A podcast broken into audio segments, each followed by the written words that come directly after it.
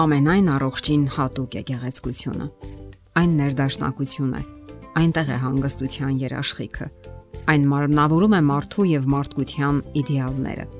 Եթե ժողովրդի մեջ պահպանվում է գեղեցկության իդեալը եւ նրա պահանջմունքը, նշանակում է առողջության չափանիշների պահանջմունք էլ կա։ Դրանով էլ հենց երաշխավորվում է այդ ժողովրդի բարձրագույն զարգացումը։ Սրանք Դոստոևսկու խոսքերն են։ Կա մեկը, որ չի ցանկանում գեղեցիկ լինել։ Բոլորն էլ ցանկանում են լինել բարձրահասակ, ձիգ, երբեք չհիվանդանան, լինեն ուժեղ, կարողանան պաշտպանել իրենց։ Ահա, այսպիսին են ցանկանում իրենց տեսնել երիտասարդ տղաները, որպես առնականության եւ գեղեցկության գագաթնակետ։ Իսկ ահա երիտասարդ աղջիկները մի փոքր այլ կերպ են տեսնում գեղեցկության իրենց չափանիշը Նրանք երազում են երկար ու ձիգ ոտքերի, գեղեցիկ աչքերի, քթի ու բերանի մասին։ Ցանկանում են ունենալ խիտ մազեր, նրբագեղ իրան եւ գեղեցիկ հագուստներ բնականաբար։ Շատերն են իհարկե այդպես մտածում, սակայն արդյոք դա է այն ամենը, ինչը կոչվում է գեղեցկություն։ Արդյոք իսկական գեղեցկության համար անհրաժեշտ են երկար ու ձիգ ոտքեր կամ ֆիզիկական մեծ ուժ։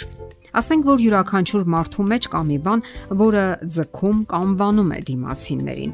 Կան մարդիկ, որոնք համակրանք են առաջացնում, եւ կան մարդիկ, որոնց հետ պարզապես դժվար է կամ անգամ անհնար է շփվելը։ Դա մարդու ներքին որակների դրսևորումն է եւ իր ազդեցությունը ուրիշների վրա։ Բոլոր մարդիկ այս կամ այն կերպ ազդեցություն ունեն շրջապատի վրա։ Այն կարող է լինել դրական ու բարերար, կարող է լինել նաև բացասական։ Նման մարդիկ սառն են, անտարբեր, թաղված սեփական եսասիրության ճահճի մեջ։ Նրանց համար միևնույնն է, թե ինչ են մտածում իրենց մասին մյուսները, եւ առավել եւս նրանց համար միևնույնն է, թե ինչ են զգում իրենց ներկայությամբ մյուսները։ Այդպիսի մարդիկ բնականաբար եսասերներ են, որոնց համար կարևորը սեփական եսն է եւ սեփական ապահովությունն ու կարիքները։ Գոյություն ունի նաեւ երևույթի հակառակ կողմը, երբ մարդիկ ձգտում են որևէ հաճելի ու դրական բան անել դիմացինների համար, գործում են նրանց շահերին համահունչ։ Դա միայն դրական արձագանք է առաջացնում։ Այդ դեպքում եւ այդպես վարվողն է հոգեկան խաղաղություն ու բավարարվածություն զգում եւ նա ում հանդեպ նման վերաբերմունք են դրսևորում։ Բոլորն էլ նկատել են, որ մարդիկ սիրում են ուշադրություն դարձնել գեղեցիկ ու հաճելի արտակինով մարդկանց Ընդհանրապես հաճելի է նայել այն ամենին, ինչն իսկապես գեղեցիկ է։ Սակայն դա բոլորովին էլ չի նշանակում, թե գեղեցիկ մարդիկ միշտ լավն են, իսկ ոչ գեղեցիկները վատն են։ Պարզ ճշմարտություն է, արտակինը խափուսիկ է։ Երբեմն մարդն առաջին հայացքից մեզ տարօրինակ է թվում, անգամ տգեղ, սակայն շփվելուց հետո մենք այնքան դրական բաներ ենք հայտնաբերում նրա մեջ, որ այլևս չենք նկատում նրա գեղեցիկ կամ ոչ գեղեցիկ արտակինը։ Մենք ձգտում ենք նրա անկերակցությանը, որովհետև բարի սիրտ ունի, բարի հոգի, եւ նրա դեմքն արդեն այնքան գեղեցիկ է թվում մեզ։ Այս ամենի մասին մտորելու նպատակն այն է, որ ընտրություն կատարող երիտասարդները պետք է մտածեն այս մասին եւ հիշեն, որ իրենք ապրելու են ոչ թե արտակինի հետ, այլ բնավորության, ներքին որակների։ Գեղեցկության խնամքը պետք է սկսել սրտից ու հոգուց, այլապես ոչ մի կոսմետիկ միջոց չի օգնի։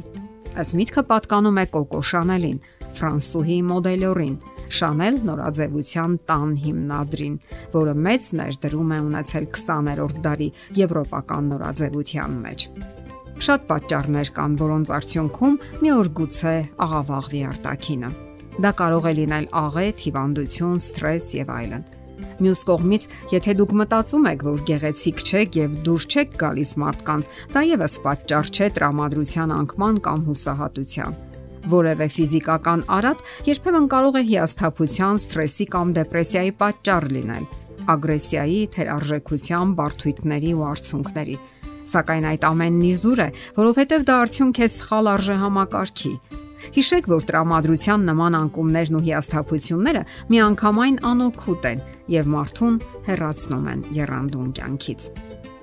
Մարմնի եւ հոգու ներդաշնակություն։ Ահա սա է կարևորը։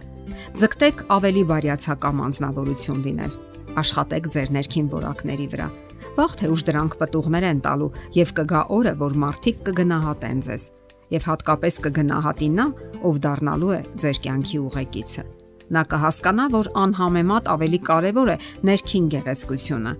Դեմ չլինելով արտաքին գեղեցկությանը, հարկավոր է զարգացնել ներքին որակները, բնավորության դրական կողմերը։ Ձգտեք լինել ազնիվ, անկեղծ, անշահախնդիր, բարյացակամ եւ օգնող, կարեկցող անznավորություն Հարցրեք, թե որքան ժամանակ եք հատկացնում խորհրդածելու ձեր ներքին որակների մասին եւ որքան ժամանակ հայելու առաջ գեղեցկանալուն։ Եվ կարևոր պահերից մեկը՝ գնահատեք ձեզ։ Այստեղ է ձեր հաջողության բանալին։ Ֆիզիկական արատը լինի ձեռքբերովի թե ժառանգական, այնքան էլ կարևոր չէ Դուք միայն այն դեպքում կկարողանաք առողջ հարաբերություններ հաստատել, երբ ունենաք առողջ եւ սթափ ինքնագնահատական։ Ահա թե ինչու յուրաքանչյուր տղա կամ աղջիկ նախքան հակառակ սեռի հետ հարաբերություններ հաստատելը պետք է պատասխանի այն կարևոր հարցին, թե որքանով է առողջ իր ինքնագնահատականը ցածր եւ փխրուն ինքնագնահատականի դեպքում մեծ է հավանականությունն այն բանի, որ հարաբերությունները կտուժեն կամ ընդհանրապես կդադարեն գոյություն ունենալուց անհրաժեշտ է ուժ եւ հուզական հասունություն ներքին աշխարհը կայուն պահպանելու համար։ Ձեր տաղանդները Եվս մեկ ուղի սեփական անձը գնահատելու եւ կյանքում համարցակ առաջ ընթանալու համար։ Զարգացրեք ձեր տաղանդները, բոլոր հմտությունները, որ ունեք դուք։ Որքան էլ թույլ կամ փոքր լինեն դրանք, կարող եք հասցնել գերազանց վիճակի եւ հղկել, փայլեցնել, հասցնելով բյուրեղյա մակրության Դա չի լինի կատարելություն, այլ կլինի կատարելության ձգտում, որն ինքնին արդեն գովելի է եւ մեծապես կբարձրացնի ձեր ինքնագնահատականը կամ ինքնարժեքը։ Ընդ որում, մասնագիտական բարձր հմտությունները եւս գեղեցկության չափանիշների ցուցակում են։ Եվ ամենակարևորը, երբեք մի կասկածեք ձեր ուժերին ու հնարավորություններին։ Եթերում է ճանապարհ երկուսով հաղորդաշարը։ Ձեզ հետ է Գեղեցիկ Մարտիրոսյանը։ Հարցերի եւ առաջարկությունների համար զանգահարել 033 87 87 87 հեռախոսահամարով։